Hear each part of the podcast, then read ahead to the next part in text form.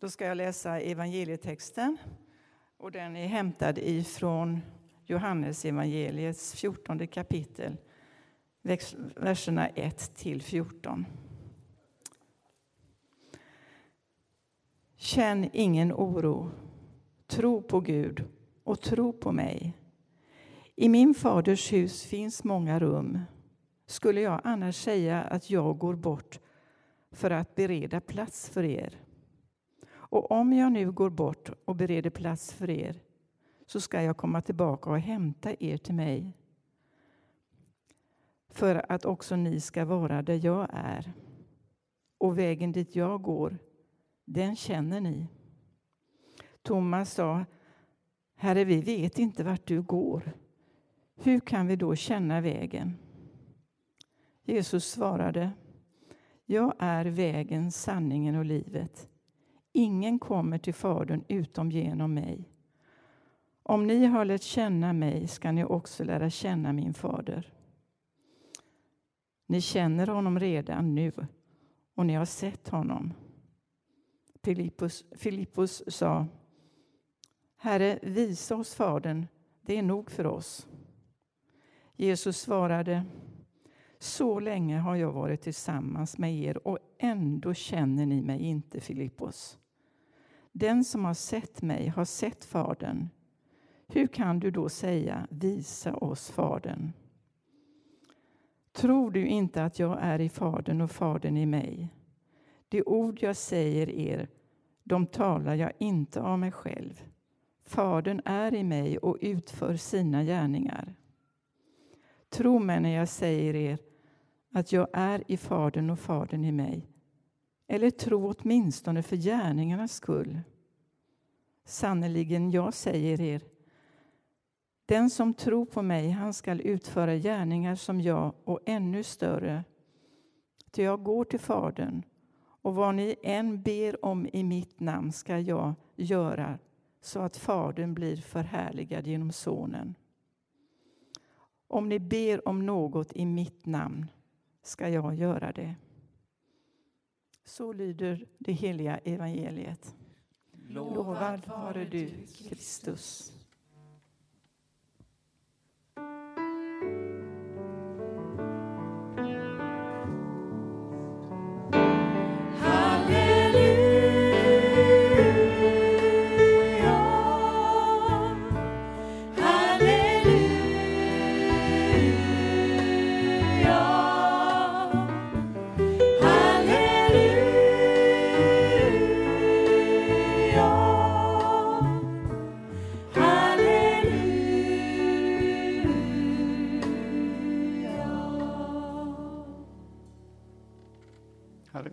Att du ska ge oss någonting idag från ditt ord. Öppna våra hjärtan, ta bort allt bröte som kan ligga emellan det du vill med oss och det liv vi lever. Gör oss lyhörda den här söndagen. Till predikan, till sångerna, till din inbjudan till gemenskap med dig. Amen. Varsågoda och sitt.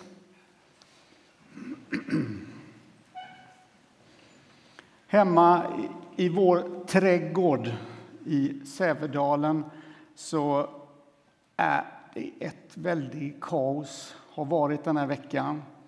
Det är grävmaskiner, det är plintar, det är grus, det är paddor, det är undliga rör, i olika färger.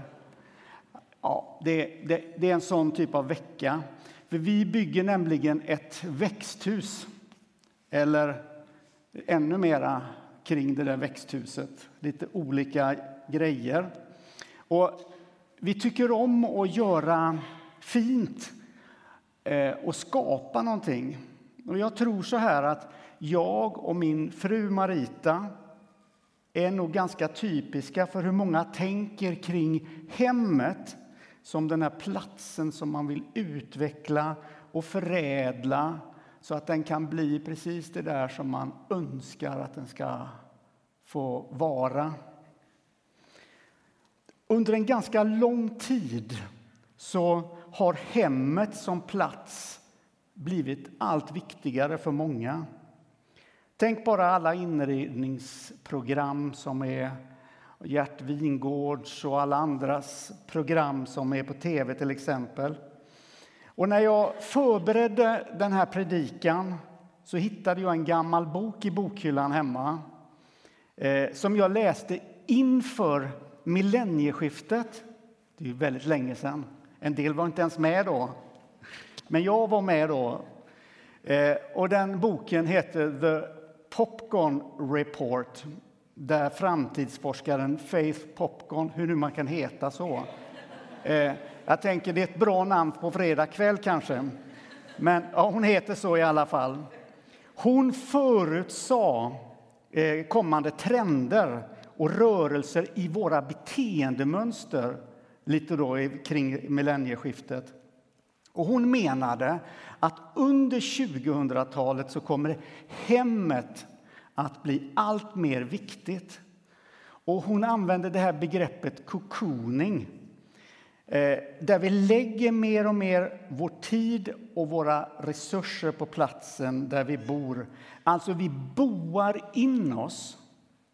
Och vi väver, om man nu ska använda hennes begrepp, en kokong över våra hem. Det är som att vi har behov av en liten trygg bubbla när världen många gånger känns hotfull och lite kuslig. Och bara det här att man vet att inrednings och inredningsindustrin och möbelindustrin omsatte hiskliga 177 miljarder eh, precis innan pandemin. Och det är någonting som ökar. Kanske gör det att hon hade rätt, Faith Popcorn, i den här analysen om framtiden som hon som hon gjorde då. En av de största mäklarfirmorna i Sverige gjorde, ställde några frågor till sina köpare. En enkätfråga. Hur ser du i första hand på ditt hem? Eller på din bostad, så ska man säga. Och då fanns det en del alternativ förstås. Va? Men det som var det allra tydligaste var att 70 procent såg hemmet först och främst som en trygg plats. Det var det viktigaste. Det var det viktigare än att, att det var en bra investering eller, eller andra faktorer som kan finnas. Så det är väl ganska på många sätt naturligt att vi behöver känna oss hemma någonstans och få rota oss. Vi har ett djupt liggande behov av att rota oss. Vi funtade på ett sådant sätt att vi också behöver trygghet i våra liv. Och nu pratar jag inte, för nu gör jag en liten övergång här, får vi se om det, hur den funkar. Ehm, för nu pratar jag inte bara om våra fysiska lägenheter, studentrum, hus, trädgårdar eller balkonger. Nu talar jag om själens djupa behov av att komma hem. Komma hem till sig själv och till Gud. I många religioner och filosofier så söker man ju faktiskt efter vägen hem. Men man kan ju mena lite olika saker med den metaforen. Kanske ett tillstånd där man på djupet är rotad i någonting större. Kanske en plats där själens spänningar har lagt sig och man känner att man kan slappna av och vara i samklang både med sitt djupaste jag och med universum. Ja, vägarna är många. En del handlar om att följa en ledares vägledning som ibland kan vara ganska sträva övningar. Det kan vara steg att pricka av. Det kan innebära ganska mycket prestation.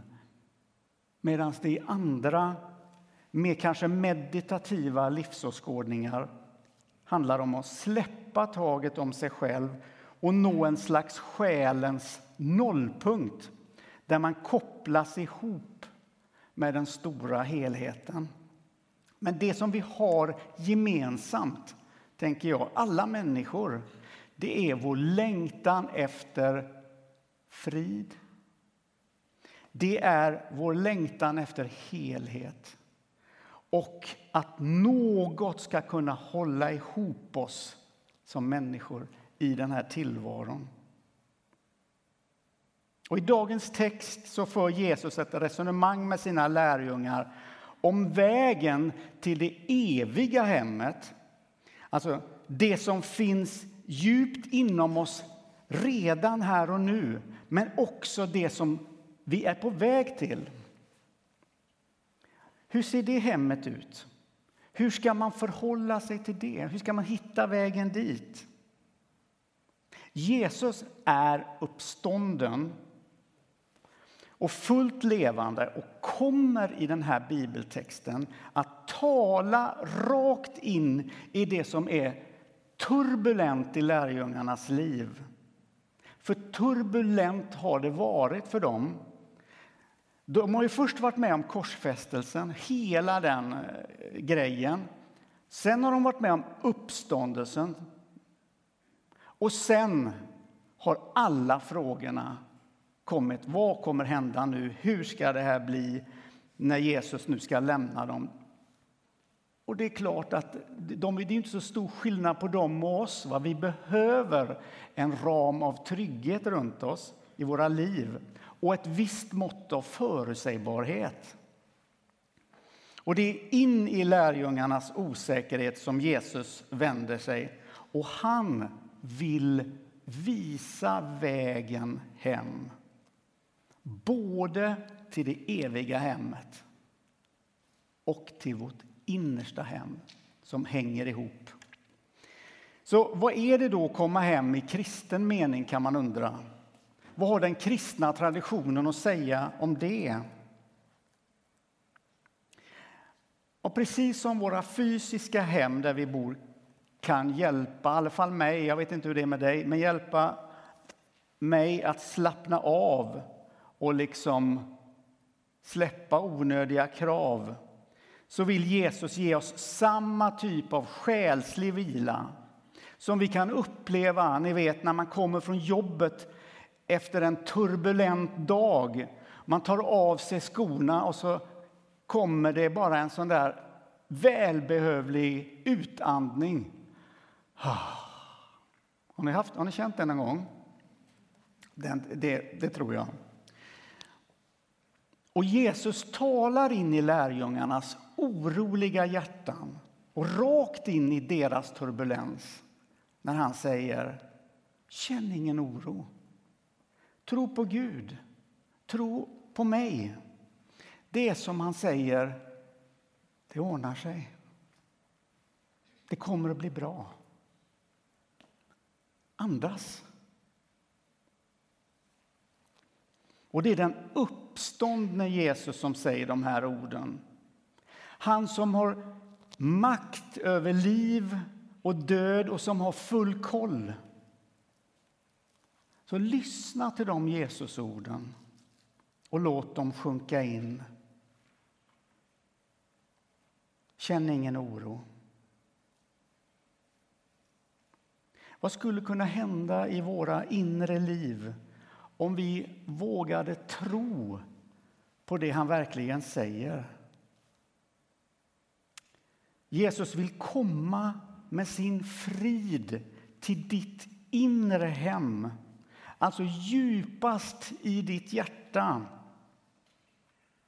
Och Augustinus han säger ju de här berömda orden att du har skapat oss till dig och vårt hjärta är oroligt tills det finner ro i dig. Tillbaka till det här med hemmet. En viktig grej i ett hem är ju belysning. Var ljuspunkterna är placerade det gör ju olika, det ger ju olika effekter och det kan ju också skapa eh, lite lugn. Tänk dig att du kommer hem från jobbet en mörk november eftermiddag. Inte sätter du dig i ett nedsläckt hus och stirrar rakt in i mörkret. Nej, tänder du inte istället upp lite lampor här och var? Och om du får feeling så kanske du tänder lite levande ljus för att själen ska få lite ro. Och när det gäller ditt inre hem så är Jesus intresserad av att hjälpa dig med belysningen. Han vill lysa upp ditt hjärta med sig själv. Och den här oron som Jesus adresserar till lärjungarna, som också är våran. Den där oron, den är förståelig. Men det är ingen nödvändig känsla. Det är ingen nödvändig känsla. För när ljuset från uppståndelsen lyser upp dina inre rum så kommer friden på köpet. Skälen att oroa sig blir färre. Och du vilar snarare i det som Gud har lovat och det han, det han har sagt. Att han, han tar hand om dig nu, i den här tiden, och han tar hand om dig alltid. För den energin som oro alstrar i våra liv skulle kunna användas till så mycket bättre saker. Så ditt inre hem behöver ljus. Och vi läser i Bibeln att Gud är ljus och inget mörker finns i honom. Och när ljuset kommer så kan inte oron vara kvar. Men för många människor är ju också hemmet en plats för gemenskap. Och jag vet ju att vi tänker lite olika kring hur mycket umgänge som är optimalt. Alltså, en del vill att det ska vara ett naturligt flöde av människor, att det ska vara mycket mat och möten och att dörren alltid ska vara öppen. Och det är ju någonting vackert. Men också, många av oss har inte heller den orken eller den personliga läggningen att man mäktar med mycket gemenskap. Då blir hemmet istället platsen där man behöver eh, återhämta sig. Och andra kanske önskar att kunde det inte någon gång komma någon och besöka mig. Ensamheten i Sverige är stor. Men dagens text visar på Guds intention att besöka vårt inre hem och prägla det med sin närvaro här och nu. Men det stoppar inte där, därför att han tar hand om oss även när det här livet är slut.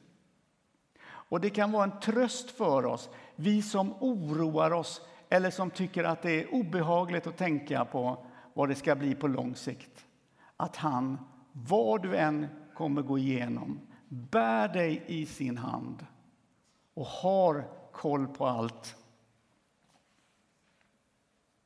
Han säger ju, i min faders hus finns många rum. Skulle jag annars säga att jag går bort och bereder plats för er? Så det här är en text också om återseendets glädje när lärjungarna och Jesus en gång ska mötas utan distans i Guds fullkomliga hem. Men här och nu så stämmer han möte med oss i vårt inre hem. Och i Uppenbarelseboken 3 och 20 så blir det extra tydligt. Se, jag står vid dörren och bultar. Om någon hör min röst och öppnar dörren så ska jag gå in till honom och äta med honom och han med mig. Kan du höra den knackningen?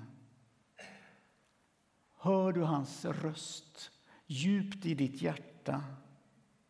Eller är du på en annan våglängd? Har du så mycket i livet att du inte förmår att höra genom allt brus? Kanske så mycket, kanske att du är så upptagen i allt görande att du har till och med glömt bort att det finns en dörr till ditt inre hem. Men där väntar Jesus. Så hur det än är med den saken, vilket förhållande du nu har till ditt inre hem eller hur eftersatt det nu är eller inte, jag vet inte, så är det en tröst att Jesus aldrig, aldrig ger upp om någon enda av oss. Aldrig att han tänker att ja, nu har jag stått här och knackat i 36 år. Det, det tycker jag är nog. Aldrig att han tänker så. Utan han tänker aldrig att du får skylla dig själv. Han vill alltid göra något nytt i våra liv. I våra inre hem. Skapa liv, skapa ljus, skapa någonting blomstrande inifrån ditt innersta. Vi glömmer det ibland. Vi bara stretar på. Tänk om vi ägnade bråkdelen av den tid vi lägger på, vår, på det yttre, inkluderat våra hem då, om vi la det på också att ta hand om våra inre hem. För ditt inre hem behöver inte vara ensamt. Det behöver inte vara nedsläckt. Det behöver inte vara eftersatt. För du är gjord för gemenskap med honom som genom sin död på korset gör allting nytt. Hör ni det? Han gör allting nytt. 36 år, 37 år. Han gör allting nytt. Hela tiden. Och vill det. Amen.